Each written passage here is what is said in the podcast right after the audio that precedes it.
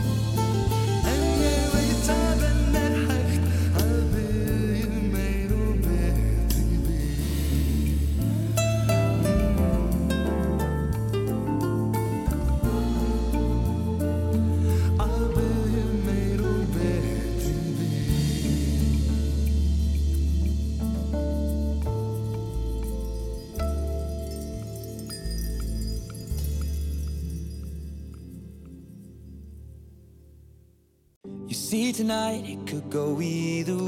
eftir smástund sest hann hjá mér hann Snæbjörn Artgrímsson, uh, reytuhundur, útgefandi og ímestett fleira og við ætlum að spjalla um heim og gema. Fyrst Ed Sheeran. I get stuck when the world's too loud and things don't look up when you're going down. I know your arms are reaching out from somewhere beyond the clouds. You make me feel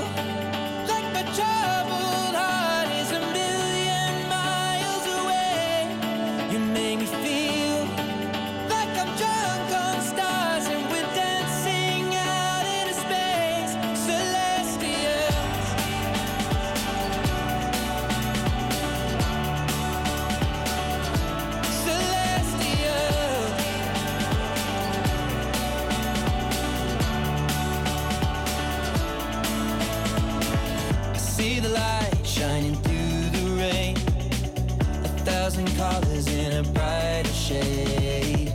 Needed to rise from the lowest place. There's silver lining that surrounds the gray. When I get lost, will it come back round? Things don't look up when you're going down. I know your arms, they are reaching out from somewhere beyond the clouds. You make me feel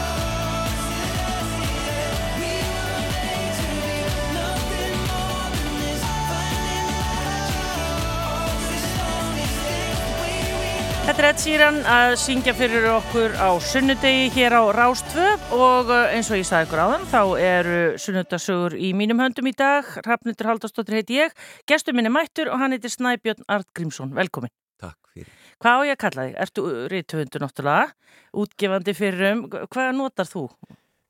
Snægi eða hvað? Já, já, já, já, já, ég kalla það stæði. Já. Sko, mér hefur þótt svolítið erfitt að, að hérna, titla mig rítöfund. Ég er nú, mér finnst það bara ekki, einhvern veginn ekki passa við mig, sko. Jæja, þú ert nú komið hvað, þrjár, Fjóra fjór, bækur. fjórar? Já, já, fjóra bækur, sko. Já, Ég, ég var nú eins og stattur í, í Fraklandi og kem stundu þar já, og satt þar á, á, á kaffi bara var að skrifa, kom alltaf á mótnum blóð nýju og það var svona hipster kaffi staður og ungir hipster sem sáum að reka staðin já, svona húu drengin með skegg þessi fínir sko svo kom ég hefða hverju mótni í heila viku og svo síðasta daginn, eða næst síðasta þá segi, kom, kom hann til mér og segi, hvað hva, hva gerir þú? hvað, hvað starfað þú? Og ég, einhvern veginn, ég gæti alls ekki sagt ég var rítuðundur og mér fannst mjög óþægilegt að segja ég var í fyrrum útgefandi, það gæti, það gekk auðvitað ekki, þannig að ég sagði, ég er hjartalæknir, sagði ég. Mér fannst ég alveg geta réttlega þú veist, e- e- ef einhver, þú, einhver líður betur í hjartalu að lesa þessa bækum mín þá get ég alveg kallað með hjartalækni. Það fannst hún bara svo gott sko, svo kom ég næsta morgun og allir hipsterandi stóðu þarna við, við kaffivélina og lita á mig, nei, góðan daginn, doktori. Rosa virðing náttúrulega búin fyrir já, já. En svo heiti nýjasta bókin Eitt satt orð já. Og svo ertu bara að ljúa svona á einhverjum bar. E, sko, þetta var ekki, eins og segja, þetta var ekki líð, þetta var svona, eh, þú veist, ég réttlega fyrir sjálfum mér, sko, Já, að, að þetta var ekki líð, ég væri eins konar hjartalæknir. Já. En ert ekki Snæbjörn auðvitað núna náttúrulega þegar þú fer að skrifa svona eina bóka ára minnstu kosti þá náttúrulega notar þú rítum þá er það tæmt en, en ert ekki þekktastu fyrir það að hafa fundið Harry Potter fyrir okkur? Myndur ekki segja það? E, jú, ég, það getur vel verið að það sé rétt, sko, að, að það sé, ég hef ekkit svo sem e, gerðnir er mælingar á því, sko, en, en hérna, ég held að það sé rétt að, að sko, þegar, þegar ég var að gefa út bækur, þá hjá Bjarti, sem ég stopnaði á sínum tíma, þá gaf ég út að sem margar svona bækur sem voru kannski svolítið e, á skjön eða hálf, hálfið svona neðinjarðabækur, allavega í byrjun, sko, og þannig að þegar, þegar ég loksins fann Harry Potter eða þegar ég fann Harry Potter þá var það þetta, þótt það mikil tíðindi að, að Bjartu væri að lifta sér svona upp Já, og, og fólk þekkti mig sem útgefandi Harry Potter sko. Já. Við ætlum að tala um það eins og eftir en ef ekki bara byrja á byrjunni, Sk skautum yfir þetta. Þú ert prestsonur, Já, fættur á ránkavallum. Já, já, Já. fættur óta rangavallum sko. Jú, ég er pressonur og hérna Hvað heitir pappið? Artgrímur Jónsson, Já, hann er nú dáinn sko Já. en sem sagt ég er press, er pressonur og, og hérna svo verður það að segja hvað mamma þinn heitir líka. hún heitir Guðrún, eh, hún er líka dáinn Guðrún, Guðrún Hafleðadóttir já. hétt hún og Og ertu í stórum sískinahópi eða? Nei, ekki, segja það, við erum, við erum þrjú sískinin sko, Hafliði, elsti bróður minn og Kristín, sýsti mín. Já, og þú fæðist og býr þarna hvað til þryggjára aldus. Já, sko ég er langi yngstur, bróður minn er tíu árum eldri og sýsti mín sjö árum og svo ég var svona bara dekubat sko, þannig það var ekki svo mikið spekulir í mér ég var bara, kallaði bara badnið lengi hver, hver passar badnið en Og hvernig erst þú fættur? 61 61. já, já, Þannig að þú manst ekkert til að þú er þryggjára þegar þú flyttur til Reykjavíkur? Nei, ég man, man eiginlega ekkert eftir því ég hafa búið þetta sko Nei. en sem sagt svo flutti ég til Reykjavíkur og mm, fyrst í Eskilíð og svo í Háliðskverfið og ólstaður upp og eh, allst upp sem personur er auðvitað svolítið sérstökt vegna þess að sko maður hefur maður hefur að fær ákveðna svona móralska skildur veist, það er ekkit þú veist, það er lítið þannig á að, að personur hljótu nú að hegða sér betur en önnu börn Já. Þannig að það var svona að gera það svona ákvæmlega kröfur á mig, ekki, ekki það fóreldri mínum, heldur bara svona umhverfinu. Að ég hef, væri, hæði svona, svona háan siðfyrirlegan standard. Sko. Já, ég get alveg ímynda mér þetta og, og, og, og hérna stóðstu þar undir? Nei, nei, nei, ekki alveg sko. Jú, að sumu leiti, þú veist, var ég gott badd sko. Já.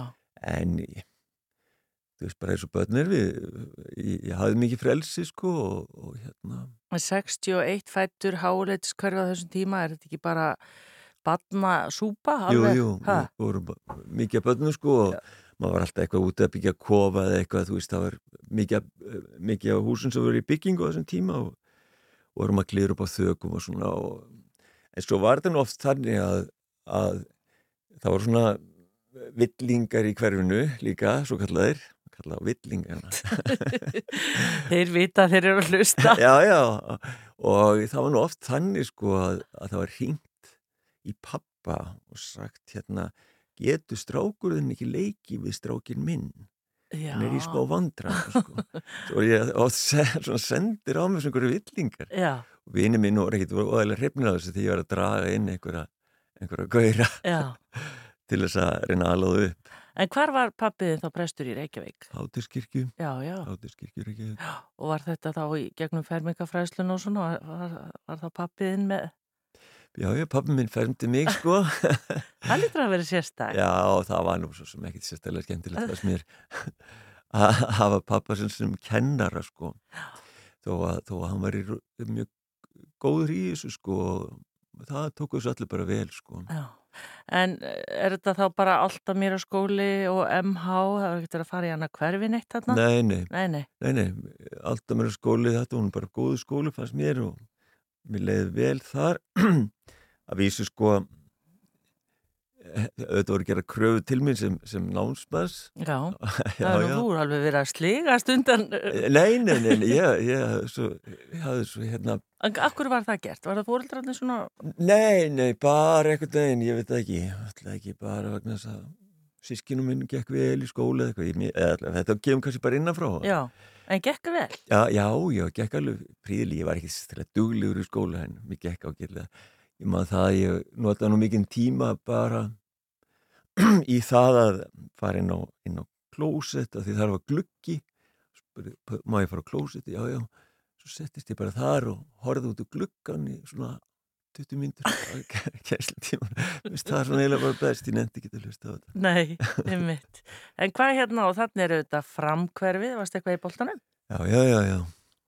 Hvað í boltanum? Já, ég, ég, ég spilaði sko fótbolta með fram sem, sem krakki og fram á úlingsár sko en eh, og ég var markur, ég, ég spilaði bara, gæti spilaði hvað sem er sko, ég var ba- bæði markurður og svo spilaði úti eins og við kallum það. Já, en sagt ég var, var lengi markurður hjá fram, það er svo ofbóðslega svona, ég, ég er svo samvisku samur að, að eðlisfæri að ég tók það mjög nærri mér að vera markurður það var svo mikil ábyrð í því skiluru, ef maður klúður eins og þá kemur, fær maður marka á sig sko. já, já. Þannig ég var mjög, mjög, mjög taugaviklaður sko, að þurfa að fara að spila Ég skil aldrei hvernig bara fólk þorir að vera í marki, sko, af því að bara það koma þarna dundrunnar. Er já, það, það er nú bara, bara gaman og, og, og, og svona kikk í því að verja dundrur Já, En sko ég man það þegar ég satt í búningsklefunum og þurfti að hérna var að býða eftir að leik, leikinir spiluðum þú veist við, við káur og val og allt þetta, allt það skipulega mót sko.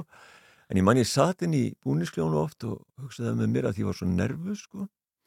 Og ég vona að hérna dómarinn mæti ekki, það gerist nefnilega sem sko. Svo, svo, svo, svo bara að sleppa þennan leik sko. Að Því þetta, þetta var svo mikil Ég trúi því. kvöld fyrir mig, ég var svo fellega En þú lest þess samt hafa það já, já, já. Og náður alveg upp í efri flokkana og, Nei, ég, ég spilaði þá var unlingur svo fór nú að hugsa um annað já, eins og gengur. Já, já, Já, en svo uh, gerðist það nú þegar ég var, ég held ég var bara 17 ára að ég fór að æfa einhverja vinnu mínu plötuðum með að fara að æfa handbólta mig fram. Og ég gerði það. Og ég, ég er nú svona, óhefbundin markurður en það gekk vel og, og lí, varstu líka í marki þar? já, Já, og hérna var dregin í meistarflokkum spilaði með meistarflokk bara svona kortnungu maður í, í tvö ár ég var þetta hávaksin og, og svona já. Við erum nú svona svipuður ekki, ég er aðeins Ja. yngri þú og ég man að þannig fram alveg stórveldi í handbóltanum hann.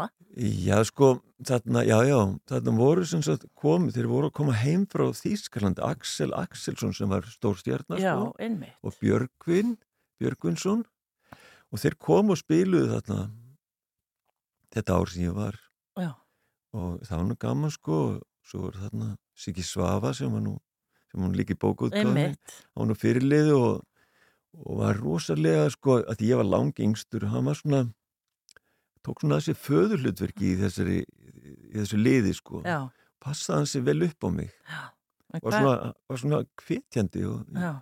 Alltaf svona mjög ánægð með sigga sko. Já, gaman að þessu. Við erum að tala um þetta handbólta núna en áðan fótbólta á deginum sem að fyrsti leikurinn í HM já, fer fram. Allar Já. að vera, allar að fylgjast með. já, já, já, já Og er það Danmörk? eða? já, já, Já, já, já, já, og þú býr þar. já, já. Já, ég ætla nú ekki að fara út í pólitíska umræður um þetta en sagt, ég ætla að horfa á þetta já, sko, já, gaman. Já. En hérna Snæbjörn, svo ferði ég MH og er það, það er náttúrulega bara skemmtilegust ára æfinar, alltaf talað um það. já, nei, þetta var eiginlega bara leiðilegust ára minna sko. Af hverju? nei, einhvern veginn, ég var bara ekki í stuðu sko. Nei, það var kannski ekkit verið glukki á klóstunni í MH. nei, nei, nei, það var nei, jú, jú, ég, þetta var ágætt sko, einhvern veginn áttaði ekki alveg við með þetta kerfi sko, skemmtilegur í bekkjakerfi Já, ég þekktu þetta marga sko en en þú er samt vilja fara bara í MH sem var þá að, svolítið já, svona... já, það var, kom aldrei nætt að hann ég var ekki spekulur í því sko Nei, en svona mm, já, mér fannst þetta ekkit ég var ekkit svo álæður í MH nei. En hvað hérna og hvað voru svona þínar áherslur? Var, varstu strax komin í bókmyndinu þar eða? já, sko ég, ég var nú svo, ég var gífulega áhuga samur um, um tölvufræði þannig voru tölvunar að koma á svona þetta voru svona, fyrstu tölvunar að koma já, það var ein tölva í, í MH Já, í svona tölvu herberginu og ég var mjög áhuga samur um það og var að forrita heilmikið og ég man ég forritaði svona getrunasæðilega prógram er það. já, já, til þess að reyna að finna, vinna miljón sko. Já, já.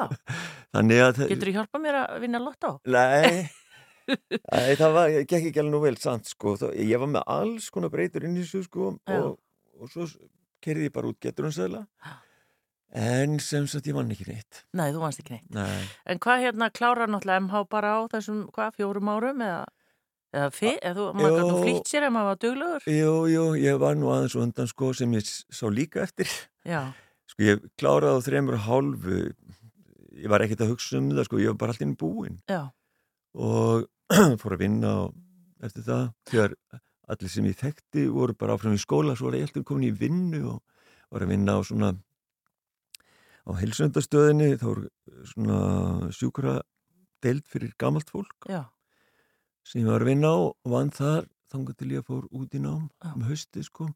Það var svo sem mjög gott að því að skemmtir, ég hugsa oft um þetta þetta var gaman að vinna með þessu gamla fólki já, er það ekki bara einhvern tíma að sagði ykkur að þetta er bara allir að pröfa það, einu sinni yfir það, Maður hefði svo gott að því.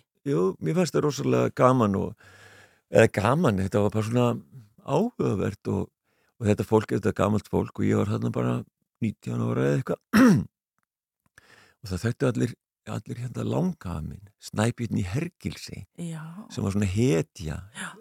þessa fólks í gamla daga svona, okkur aðeins. Já, hann bjó, bjó Hergilsi sko, Sem svona, er hvar? sem eru á því þannig sem, minn kemur sko. Já, og hann var hann skrifaði æfisur sem he- heitir æfisa snæpjörn í Hergilsi þykir svona svolítið gott bókmyndverk líka sko. já, já, en þetta voru, hann lýsir þannig miklu sem sagt harðræði eða þú veist að ekki harðræði, þetta var þetta góðu staður að búa en þetta, þú veist, þú þurfti að sækja sjóin og, og þetta gæti verið erfitt sko og hann lýsir sem þetta líka þegar hann missa börnin sín og þetta var svona flott bók og, og, og þessi kynslu sem var þarna á, á þessu öldrunar heimi eða öldrunar deild Já. þekkti hann og, og það fannst það gífurlega merkilegt að þarna væri sagt, afkomandi snæpinir hergilsi að vinna með þeim. Já, já, ég naut þess mjög. Þau voru svo góðið með allt þetta gamla fólk. Æ, snæpjótt minn. Já, en dásanlegt. já, En hvað hérna, eh, akkur ákvæmst að fara til útlanda í ná? Var það ekki var á nú- þessum tíma svolítið svona, já, jú það var nú svona svolítið hugrægt, eitthvað nei, nei, það var nú svona kannski lenska, eða, þú veist, þetta fólk sem ég þekkti, það var nú alltaf leið til Berlínar sko. Og ég var svo sem á leið til Berlínar líka með þessu hóp fólk sem ég þekkti frá MH þetta var svona vinstri sinna fólk í bókmyndum. Já, og á leið til Berlínu sem var mikill svona suðu pottur í menningarlífi og listalífi í, í Evrópu á þessum tíma. Og þannig var ég þanga var ég á leiðinni. Og langa fyrir sálfræði sko sóttu um, maður þurfti að sækja um fleiri stöðum bara því það var svo mjög eftirsótt að komast í sálfræði á þessum tíma, allir, allir í sálfræði en svo komst ég inn í á sálfræði háskólanum í Freiburg sem er í suður Þískalandi suður vestu Þískalandi, eða við landamæri í Sviss og Fraklands þanga fór ég já. Og í sálfræðinám já, hvernig var það? Á, á, það var, allt á þýsku er það ekki? jú, jú, jú, jú, það Dendur þið bara í það? Það er auðvitað ekkit mál þegar maður er tvítur að læra tungumál, en Nei. það finnst mér ekki. En þú veist, ég var fljótur að læra þýsku þannig alveg ég, já, ég, ég tók það alveglega sko, læra þýsku og gekk bara vel. Og þarna flutti ég út með þá var endi kærustu minni sko. Og og svo var hún ólétt sko. Já, það er bara verið að flýta sér í lífunu ah, þetta er sko eins og öll, ég á fimm börn sko. Já. Ekkert af þeim er planlagt, það koma bara Þau koma bara. ég nú, hef nú verið stundu spyrjað hvort ég veit ekki hvernig börn verða til sko að því þú veist ég var 25 ára komið þrjú börn Vá! já, já, Já. En voruð þið þarna þá í langan tíma eða? nei, það gerðist nefnilega það að sagt strákun okkar, Ragnar Nói fættist mjög mikið fyrir tíman fættist sem sagt í 29. viku og var ansi auðmur sko gæti ekki anda sjálf og var í öndunavél og, og þarna vor við sem sagt alveg, hann fættist í, í, í júni júli, águst, eftir, oktober við vorum hann í fjó, fjóra mánuð þar sem hann var bara gjörga gestludel sko. Vá, þetta hefur verið mikið lífsinsla. Já, þannig að hann var sem sagt í miklu baráttu bara fyrir lífinu og þannig að við vorum með í því og þarna sem sagt e, hugsaði ekki um skóla Nei, og hugsaði með mér, ég, við förum bara aftur til Íslands með, með Nóa sko og höldum áfram þar er hann, það gerðum við sko, já, fluttum aftur heim hann var svo lítill og hann var svo slappur sko og er hann, Já, já, hann er það? núna hann er mjög, hann er verið það gott Já. hann er hann færtugur sko. hann færtur. Já, já. Þannig að það, varstu þá bara búið með eina önn eða tvær eða? bara þe- þetta sem sagt, maður byrjar alltaf á því að taka þýsku fyrir útlendinga sem Já, er hálfan og svo verður maður að byrja sko. Og hvað, þú kemur heim auðvitað þetta stóra verkefni en þurftur þá að fara að vinna fyrir fjölskyldu? Já, ég fór að vinna sem sagt í, í, í, í held ég bara fór ég ekki bara að vinna í eitt ár jú, Já, og svo fór ég bara í nám aftur og í hvað? í sálfræðin sko. Já, já, já. Og ertu, ertu sálfræðin? Nei, nei, Nei, nei. ég sko vann, ég fór í sálfræði var í tvö ár þar og, og, og hafði það ansi fínt þar af því sko var ég alltaf eignar spöld þannig í þessu en, en sem þetta gekk vel og fór svo að vinna með Sigurinu Björnsson sem þá var prófessor Já. og hann í verkefni með honum og, og sálfræðingi sem heitir Baldur Kristjánsson Já. og svo því ég var búin að vera með þeim í þessu og fór svo að vinna á, á meðferðarheimili fyrir áfengis sjúka á Vífilstöðum þá eiginlega áttaði ég með því að ég hafði engan áhuga að vera í þessu endalusu vandamálum annara Nei, þetta var ekki, átti ekki sérstil við mig og þannig ég hugsaði að ég mér finnst miklu skemmtilega bara að hérna vera í bókmyndum því ég hef alltaf lesið svo mikið sko Já, og skiptið yfir í bókmyndir. já, þannig að þú er bókmyndafræðingur. Nei, Ekki heldur. nei, Nei. En fór þú ég... getur alveg kallað það, hafandi verið í mókmynd. Nei, nei, nei, nei, ég hef enga gráður sko. Ég fór í bókmyndir og var þar í eitt ár og var sem sagt búin að stopna fólægi mitt. Já, já, varstu búin að því þarna? Þannig, Já. Og svo fannst mér það bara tímaðislega þannig séð að vera í þessari bókmyndafrið háskólan. Ég hafði svo, ég var svo upptekinn af þessu fólægi. Já, en af hverju hérna stopna forlag og hvaða ár er það þá? Það er svona Átt- ekki tíma sent 80 eitthvað. Já, en, en ég menna vandaði þá bara bækur á markaðin eða Nei. stopna maður bókaforlag? Það er eitthvað svo ótrúlega, Þú veist, ég meina allir, líf mitt er ekki svo skipulegt sko, ég er ekki þannig ég rekna út vandar bækur Þetta var bara það sem ég dætt í huga á þessum tíma sko já, og ertu þá að, ég menna, hvaðan eru þá bækurnar að koma? Ertu að gefa út þá eftir íslenska Nei, nei. eða? Ég byrjaði á því að gefa út eh, hérna, þýta bækur sko Já, let þýða bækur og, og gaf þær út sko og byrjaði á fyrsta árið varu bara gefnur á tvær bækur og svo fjölgaði þessu rætt sko já, Þetta var nú fólæg mitt sem, sem ég stopnaði sem heitir, heitir, og heitir ennþá Bjartur sko.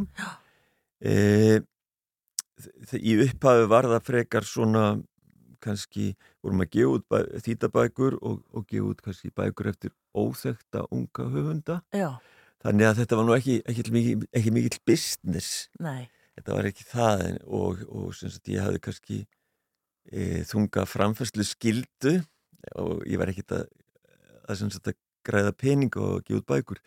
Þannig ég var nú svona, að vinna meðfram hérna því að vera að gefa út bækur. Ég var í alls konar stúsi bæði að skrifa og ég var að skúra og ég var að afgreiði í búð eða svona innrömmun já, og þú veist, í alls konar bara til þess að uh, safna peningum meðan ég var með útgánu líka, sko, já.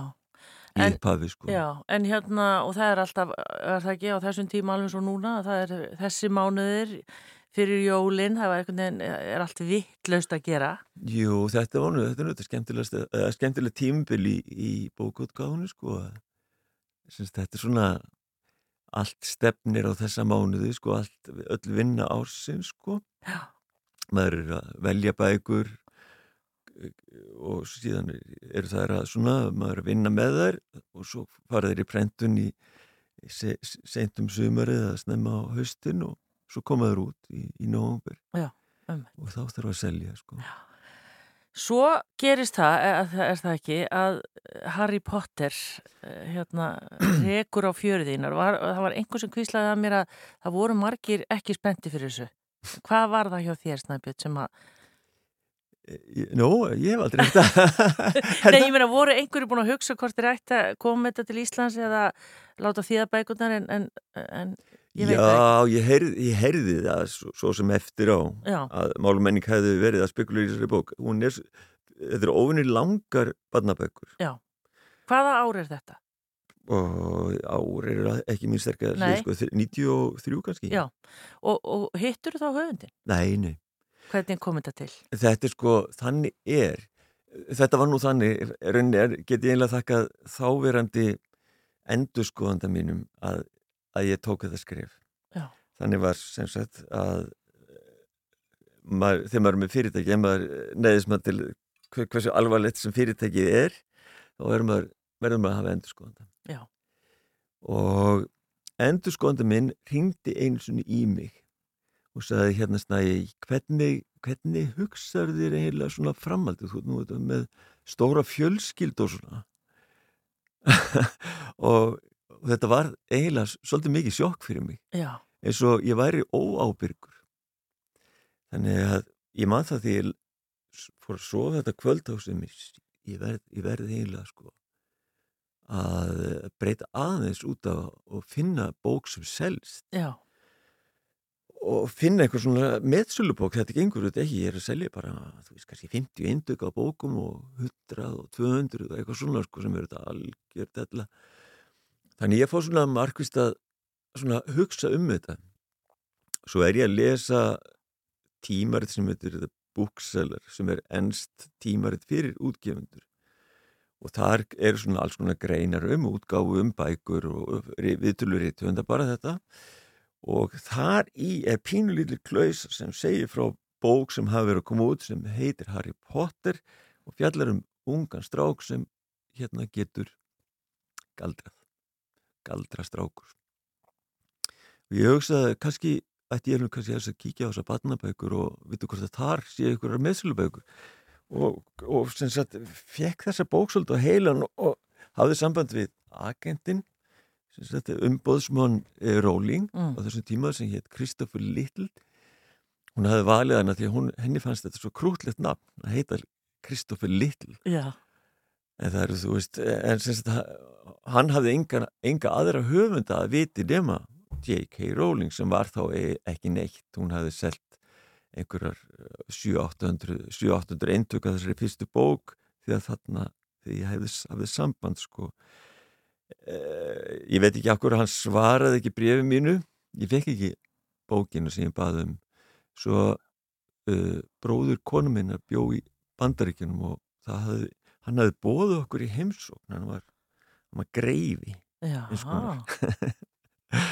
og hann bauð okkur heimsókn og þegar ég kom til bandaríkjum sem er, nú finn ég þessa bók Harry Potter. Og fer í bókabúð en þá er hann ekki komin út í bandaríkjum og það á ekki af þeirra ganga. Nei, þannig ég fyrir aftur heim og skrifa eða sendi faxin sem að gera það í þess, þessum tíma til Kristófur Lillós baðin að vera svo góður að senda um bókin, ég hefði mikið áhuga svo fekk ég lós bókina Hétt fyrsta bókin bara Harry Potter? Nei, hún hétt Harry Potter og Viskusteinn. Já, innmitt. Og hérna... Og það kemur hérna dóðrandu til þín. Já, já. Og þykk bók, rosalega þykk. Já, hún er svona þrjú, 400 síður, já, 350 síður eða eitthvað. Já. En, já, já, ég las þetta og fannst þetta nú bara aldrei gott og þú veist að ég pröfa þetta og sem sagt fekk ágæða að þýða bókina. Já. en einhvern veginn brást hann ekkert við því fór ekkert að þýða bókina. Og ég var ekkert þannig að reyka á eftir því en, og þannig er ekkert farið að gerast með Harry nei, Potter í útlandinu heldur. Ekkert svona Nei, ekki ennþá. Og, þú veist, á þessum tíma eh, koma tíðindin hægt miklu hægar enn í dag, það er ekkert internet en eins og leiðist, svo fara með tímaritt send og, og hérna þau eru kannski mánaða gömul eða eitthvað svona. En ég maður það að ég var á bensinstöði í, í skólíðinni sem hétt selegt, við köllum hann alltaf lélegt og þar var svona tímarættar ekki manni Já. og ég var að fylla bensin á bílið minn og var, þetta var svona sólskinstagur, ég man svo vel eftir hvað þetta var góðu lykt og það var eitthvað svo gott í loftinu. Sól og blár heimin og fallegu sumadagur í Reykjavík. Og það, þeir eru ekki svo margir og þeir eru svo góðir. Og ég kem inn og svona bara, ég var hamingisamur og gengin á bensinstöðuna og er að borga fyrir bensinni þegar ég mér er lituð upp í tímarittarrekkan og sér þar mynd af Harry Potter á fossíðu The Time. Og mér bregður svo mikið og ég, eiginlega, ég veit ekki hvort ég rópaði upp á bensinni þetta er bókin mín. Og þarna stóð á fossíðinu nýja fyrirbærið í, í, í bókabisnisnu Harry Potter. Hvað ert að segja? Þannig hafði hún sem þetta á þriðja bókin að koma út og loksins sló hún í gegn. Ég auðvitað brást hratt við og ég verði að koma sér bók út í, í, í vetur. Já.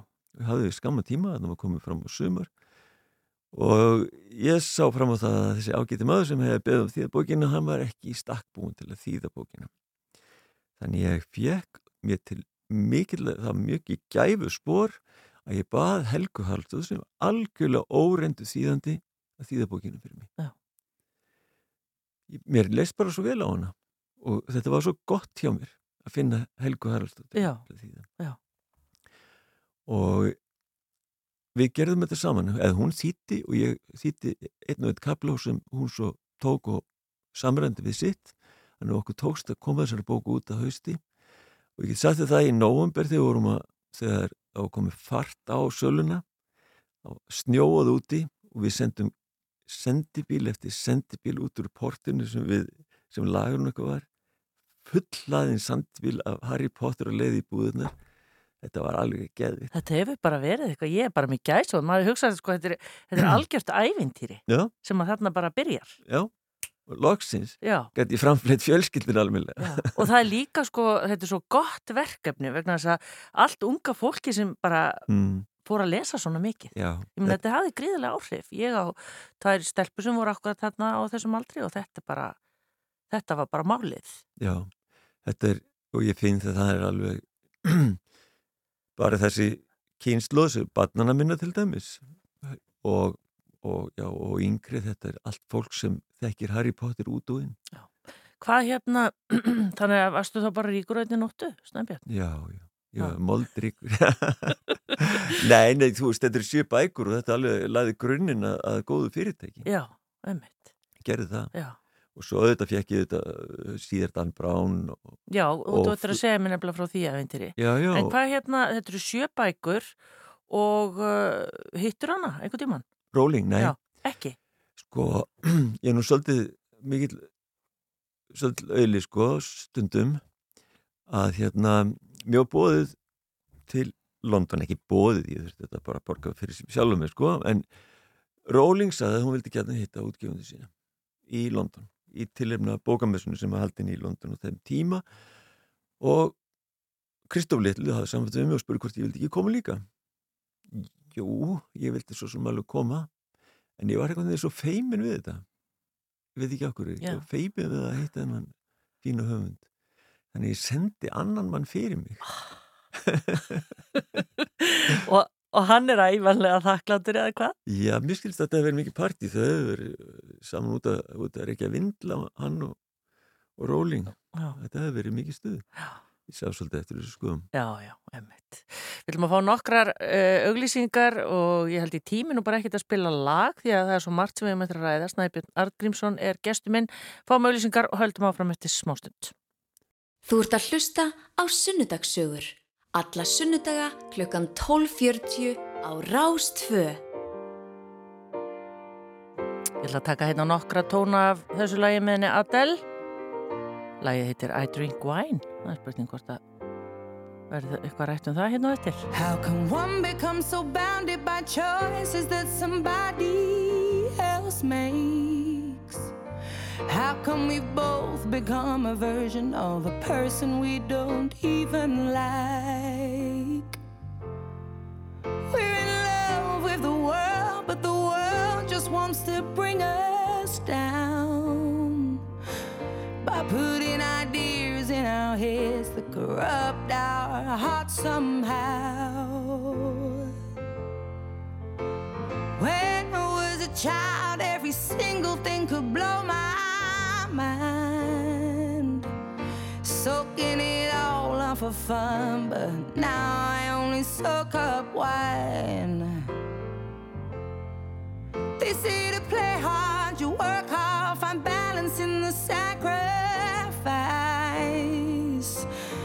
Yet I don't know anybody who's truly satisfied.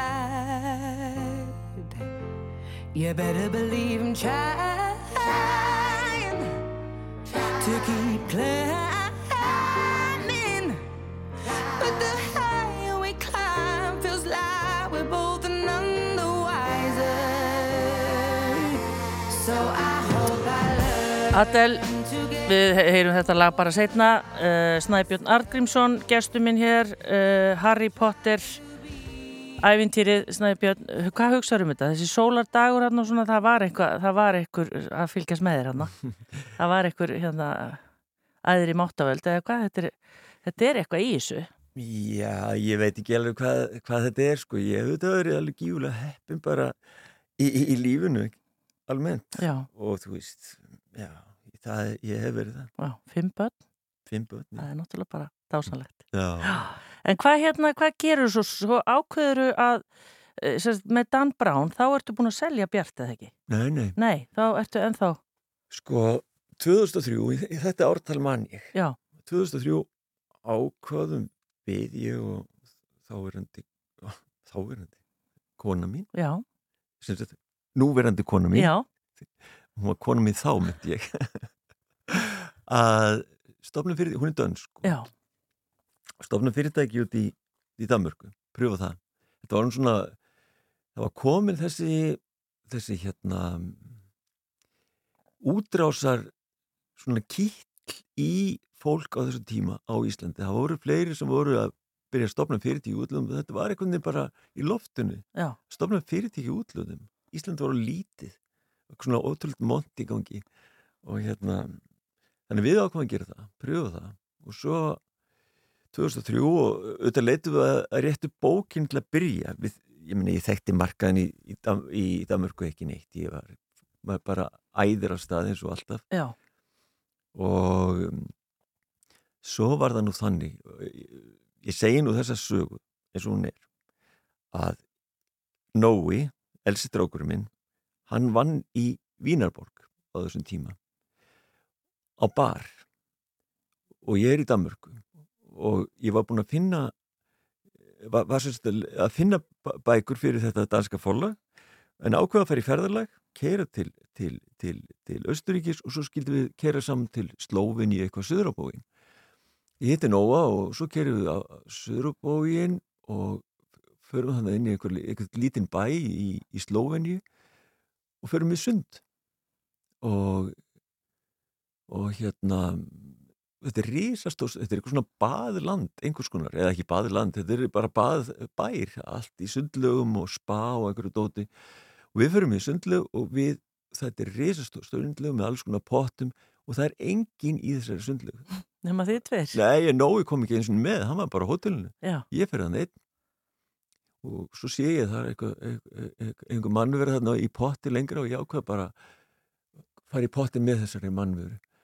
Og svo settist við þarna tveir, ég og þessi gaur og að því það er engin annar að tala við, þá tölum við saman. Og, við fórum svona spjallaðins og hann segir mér, hann sé rítvöndur já, já, það er nú gaman. Og ég segi, ég er hérna bókaútgefandi. Og svo fyrir við auðvitað að tala um, um fæið og hann sést e, í rauninni verið búin að gefa út þrjárbækur en nú gangi hansi vel hjá hann og vildi endilega gefa mig bókina sína þegar við kemum upp úr. Svo göngum við hennu saman og förum við í búninsklefaðan og hann rétti mér bókina Da Vinci Code á ennsku og ég segi, ná, ok, ég les þessa bók. Hvað sé ég geti gefið hennu í Danmörk, ég er að leta bókum fyrir Danmörku.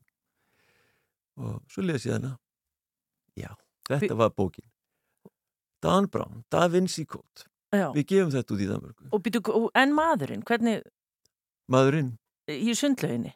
þetta var Dan Brown Þetta var Dan Brown? já, já, já, Nei, ég er náttúrulega bara núna hérna bara, ég á ekki orð. nei, Hví lík tilviljun? já svona er þetta Og hann gefur þið bókinu og er hann þá ekkert farin að gefa neitt almenlega út? Jú, já, hann búin að gefa tvær bækur sem gengur ekki vel, en þetta er hans mikla meðslu bók og þessa bók gefa út í Danmörku og þessi bók hefur, hefur sem sagt, seldist bara í, ekki, ekki bara í hundra, ekki bara í tugþúsundum og ekki hundraðúst, það seldist í, í, í miljón eintökum í Danmörku og hefur aldrei gerst annað eins í dan, danskri bókaútgáð, það bóka selsun í mörgum eintökum.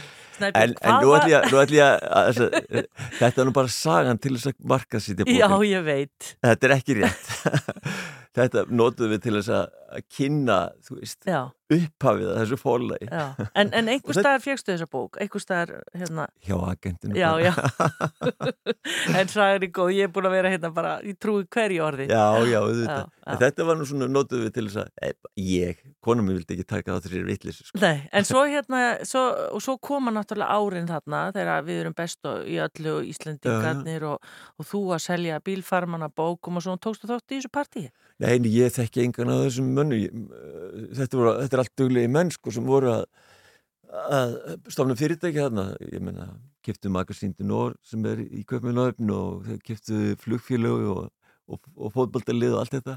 Nei, ég þekk, var ekki í þessum, þessu partíi, sko. Nei. Ég var ekki með. En þú fluttir svo alveg til Danmarkur. Já, það var síðar, sko. Ég flutti sent 2006 til, til Danmörkur.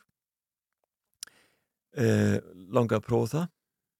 Og hvernig var hérna, þá ertu í rauninni með útlanda augun á hrunið hérna á Íslandi? Já, sko, runni kemur, svona, er það ekki bara svona 2008? Jú, Sko, í rauninni er ég enn, enn eftir svona dæmi hvað, hvað ég er nú svona mikill hamingjur hólfur, sko, og heppin að rétt fyrir hrun þá er ég sem sagt stættur í sumbústaði í, í Danmörku og er að lesa handrið sem ég var að undirbúa fyrir íslensku útgáðana þetta var, ég var að gefa út bækur í Íslandu og gefa út bækur í Danmörku. Ég fann að þetta var svolítið erfitt að vera að gefa út bækur á Íslandi búandi í Danmörku því ég var með marga íslenska höfunda. Svo er ég að lesa handrið sem ég lesti ekki alveg nógu vel á sko og segi við Súsunni konu mína Sús, hérna nú sel ég bjart. Þetta gengur ekki. Ég finn það að nú kom tíma á það. Þannig ég bara gekk út. Þetta var setnum partags ringi tvö símtöl segi verðið og tveir, tveir vildi kaupa og ég var, mér fannst ég vera svona skildu að selja það Pétri Máa því við höfum unnið svo mikið saman. Ég sagði bara þetta er verðið og, og hérna, já, fínt. Og Pétur vildi kaupa. Og geti fórlega að við svo hringta daginn eftir og hann sagði, verður má ég borga þetta í tveimu greiðist já, já, það er sko ekki máli við skrifum aldrei undir samninga en eitt, þetta var bara svona Já. og hérna svo kefti hann fórlega og 2008 var ég sem sagt átti ekki lengur fórlega á Íslandi og, og hérna svo kemur þetta bara hrunið Já, og ég held mér nú bara í Danmörku já. Hvað hérna, hættur þá bara í bóka bransanum og fórst að leika þér í einu ljúfa lífi eða Já, hvenar? ljófu lífi já. Nei, sko ég held áfram að gefa bækur í Danmörku Já, stopnaði svo bókafólu í Nóri og svo í Svíþjóð og svo gerðist nú bara 2017 ég seldi allt Já, já. heila klappið sko það var ekki fyrir um 2017 sko og var þá þá einhver innri rödd sem sagði, já, já, Snæbjörn, nú er komið að því. Já, sko sagan er nú svo að, að sagt, við höfum ákveðið að taka strákan okkur tvo yngstu úr skóla. Þau voru báður í, í, í grunnskólinu þá og taka bara árs frí taka bara frí frá öllu þessu streði og bara fara með þá í ferðalega um heiminn. Flugum til Japan og vorum þar í mánuð og svo flugum við til Nýjasjálan svo vorum þar í einn og hálfa mánuð og Ástralíu og yfir til Argentínu, Síle og Uruguay og upp til Bandaríkjana og Kanada og vorum sérst á ferðalí eitt ár og þetta var kannski kveikjan að því að maður ætti nú kannski að gera eitthvað annað í lífinu en var alltaf að gefa út bækur. Já, þannig að þá, og var, og þetta var ekki svona meðvita ákvörðin en ég var mikið að hugsa, þú veist, hvað gerir maður í lífinu á þessi ferðarlegi get ég gert eitthvað annað en ekki út bækur, er eitthvað annað sem ég áhuga á svona, ég hef brennandi áhuga en það var ekki svona, þetta var bara svona mallað í hausnum á mér sko. Svo kemur einn daginn ringi til mér kona og spyr hvort hann megi koma í heimsónafólæð og ég held að þetta var nú bara enn eitt prófarkarleysar en enn eitt tíðend sem vantaði verkefni. Og ég tók þessari konu bara vel og hún kom þarna og, og segist verið svona þekkist, þekkist svolítið vel í bransanum og, og, og er svona lengi að koma sér efninu. Og svo segir hún, hún sé fulltrúi útlends fólags sem vilji kaupa fólagið okkar. Mhm. og ég eitthvað neginn saði bara strax, nei, heyrðu, veistu ég held að ég er, ég er svo, hérna ég, þetta er besta vinna sem ég hef haft sko, ég held ég bara haldi áfram. Þá sagði hún, þú skalt hugsa um þetta já, já, ég skal hugsa um ég. svo er manni þegar þetta var annan í jólum þetta var, sagt, þetta var rétt fyrir jól og annan í jólum er ég og, og svo konu minn út að ganga. Svo segir hún alltaf, næ hérna ég vil ekki bara hafa samband við þessu konu aftur og, og spurja hvað hún er að pæla? Er það ekki bara fín hugmynd? Getum við alveg að fara að gera eitthvað annað? Og svo þannig ég hafði samband við konu og, og hérna og svo hófust samninga við ræður og allt gekk í vel en, en þetta útlendafóla sem er nú stórt fóla það hérna hafði nú aðeins misregnað sig eftir að það hefði gefið tilbúð allt þetta þá kom stjórnin saman og stjórn fyrirtækis á hvað að þetta væru þetta ekki tímabært að kaupa fóla í Danmörku. Það Mm. var ekki tilbúin að koma í Danmörku. Þeir eru komin núna inn þannig að þeir hættu hættu við. á síðustu stundu. Já. Þannig að, og ég var algjörlega í huganum komin annað. Já, þá er svo vant að gýra sig. Ég veginn. var ekki tilbúin að gefa út fleiri bækur. Nei, Þannig ég tók upp síman aftur og hringdi í, í hérna, fórstjóru pólitíkin sem ég þekkti vel sagði hérna nú er svo komið að ég vil selja fórlægi viltu kaupa? Mm. Já, hún vildi kaupa og þannig að svo fórum við í það að selja fyrirtæki til pólitíkinu sem það gekk Já. Hvað heitir fólagið? Herra Ferdinand Já, herra Ferdinand. Herra Ferdinand, það er ennþá reykið hjá pólitíkinu, gengur gífulega vel En hérna, uh, einhver saði mér líka, ég er búin að vera að hlera aðeins, eða lasa eitthvað viðtal eitthvað, varst ekki komin eitthvað með annarfútin til Ítalíu, eitthvað í eitthvað búgarð, Hva, hvaða æfintir var það? Gefur eitthvað saga? Já, já, það er náttúrulega alltaf, þú veist, ég, þetta er nú, eh, sko, ég, þetta er nú fyrir langa löngu, Já, sko. já, Þetta var reyni, sko, á sama tíma að ég var að stopna fórlæðið í Danmörku að ég hafði, sagt, verið að þýða bókum ólífuolíu og þurfti, það þurfti að gerast ansið hratt en, og ég satt alveg tímunum saman yfir þessari þýðingu, ég hafði tekið yfir þessari þýðingu bara um ólíuolíu. Já. Bara, og þá ólífuolíu sem hvaða ólífuolíu er í þessu hér eða Ítali og alls konar svona, þetta var mjög flott bók um ólífuolíu sem ég hef alltaf haft svo mikið á ólífuolíu. Svo er sem sagt, hver kaplu fættur öðrum um ólífuolíu ræktun í þessu hér og svona. Og mér letist svolítið að því þetta þannig að ég ákvaða að semja inn í bókina þó ég auðvitað bara dónaskapur gafur töfundi en ég gerði það samt að þýtti og setti inn fjölskyldu sem, sem sagt, e, fór að rækta ólífu, ólífu, ólífu tré og notaði nýjar aðferðir. Fekk til dæmis hænur og svona til þess að gangi kringu trén til þess að skíti kringu trénu og svo það fengi góða, góða næringu og, og kindur til að býta grasið í kringum trén og svona. Og láta þetta ganga laust í kringum ólífutrén. Þetta, þetta setti inn í þessa bók. Bara einhver, bara einhver svona hugasmíð svo þegar ég kem heim þá segi ég svo þetta var nú, ég er búin að þýða sko.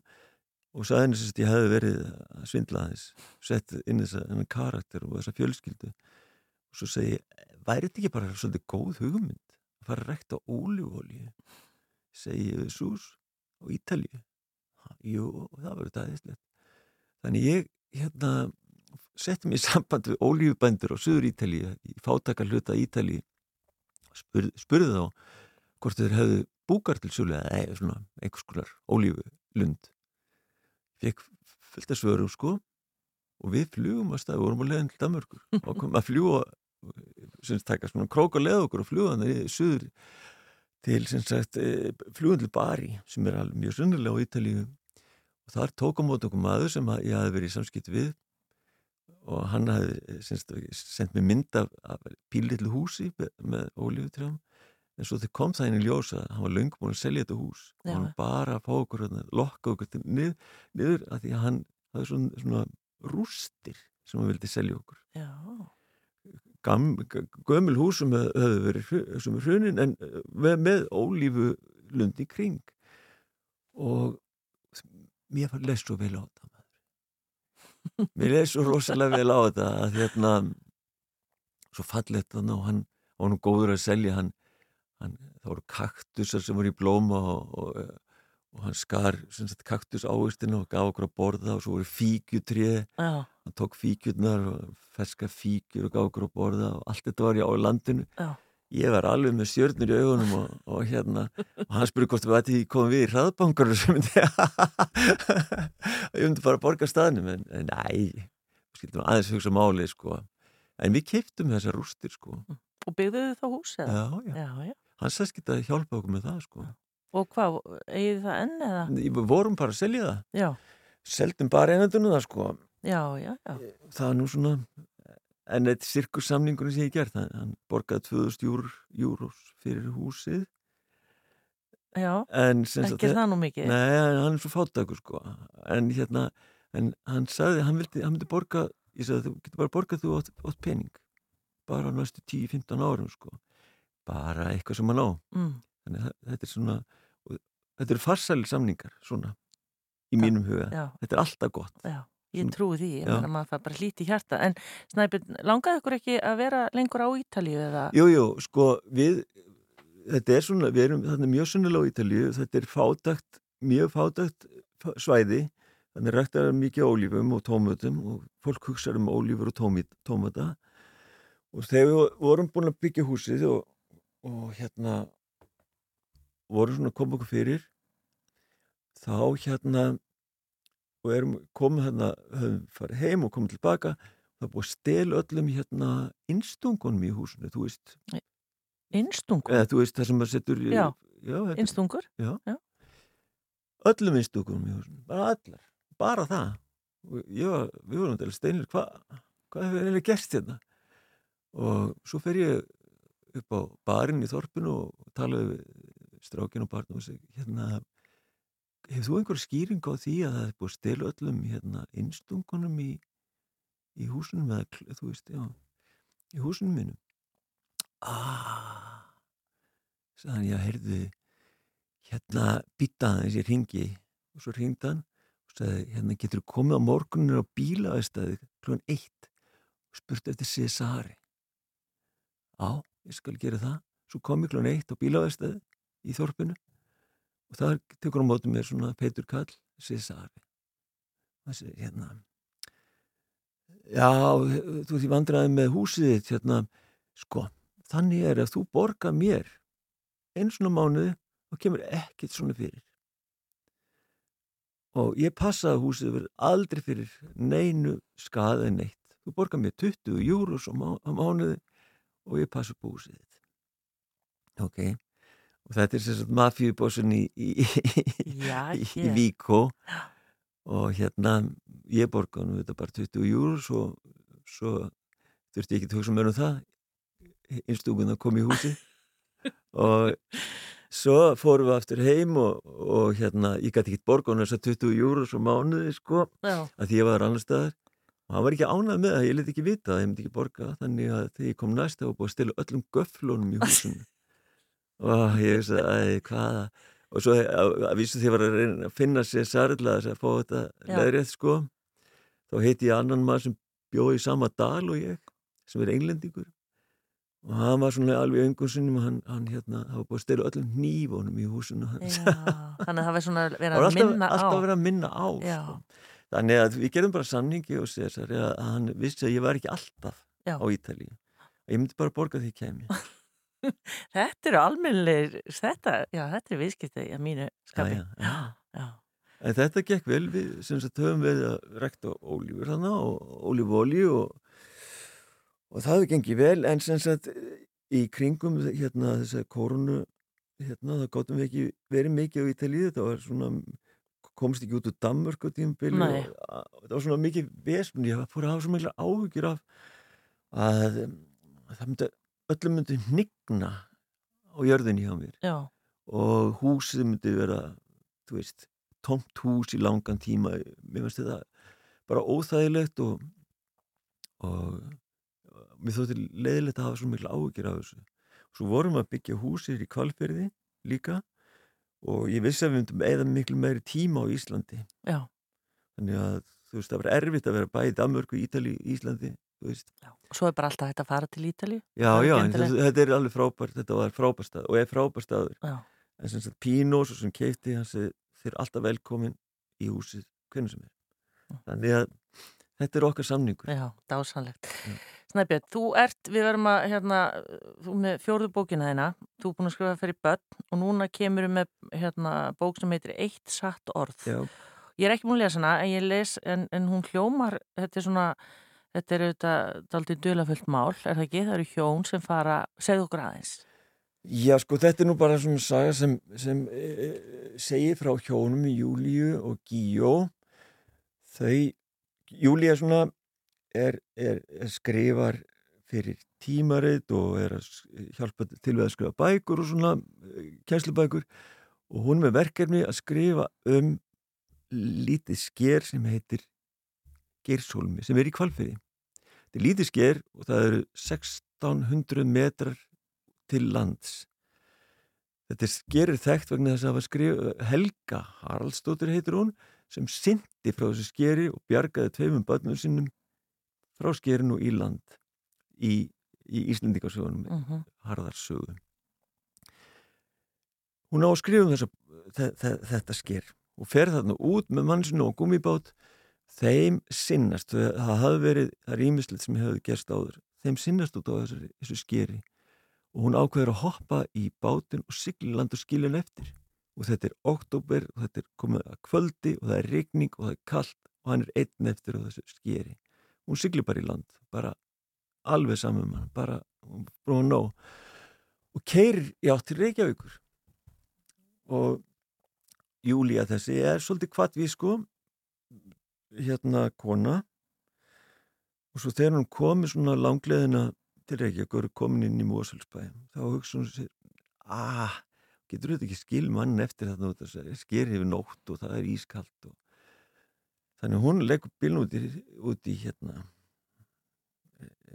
í veðakantinum og ákveður snúfið og sækjan og siglir aftur út í eigin og í kolniða myrkru og brjála rók og læti.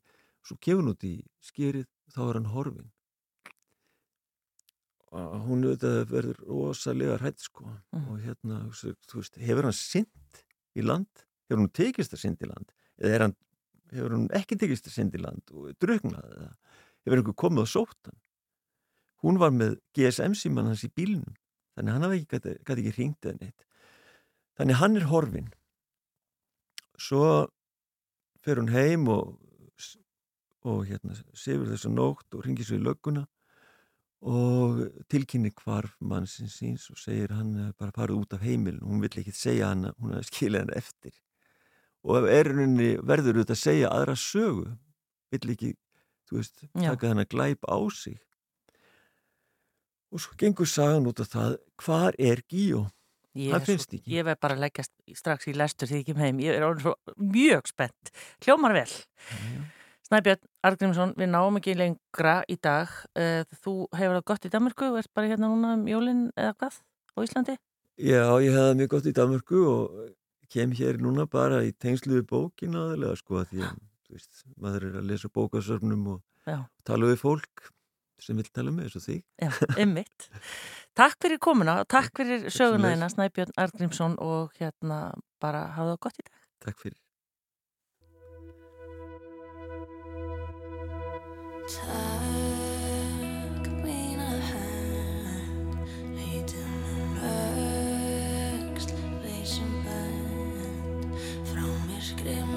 Marströð sem draugar vakku elda,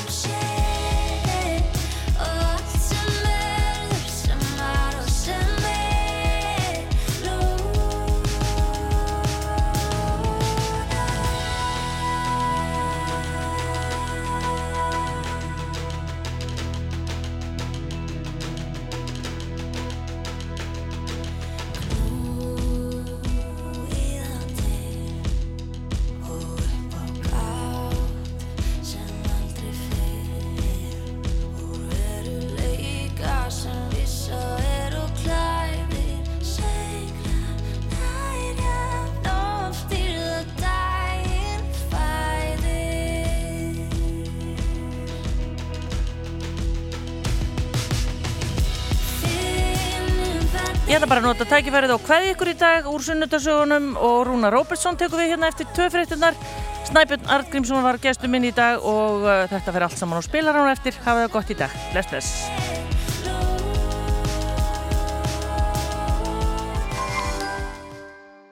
Rjú. Og faraðum viðan völl en við byrjum eins og alltaf í sunnudasögunum á tónlist og hér er Jónas Sig og Lúra Sveit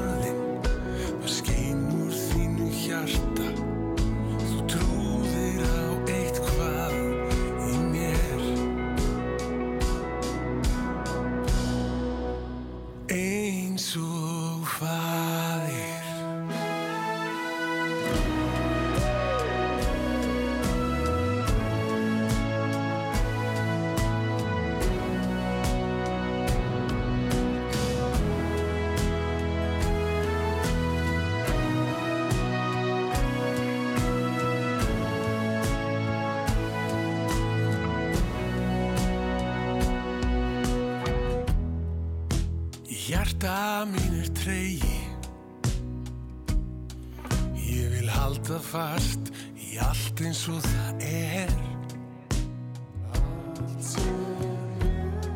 Og á sumar börnum degi ég fyllist ennþá sorg að geta ekki lengur heyrt í þér. Ég ætla að dvel í þessum degi.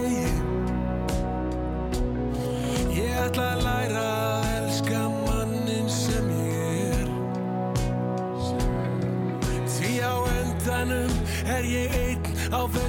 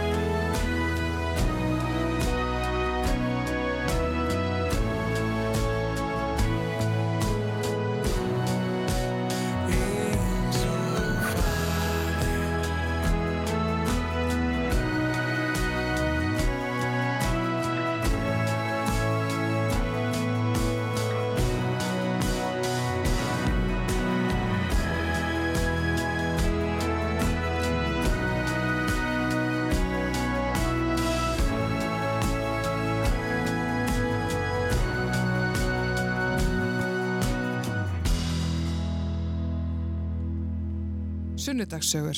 Alla sunnudaga frá 12.40 til 2.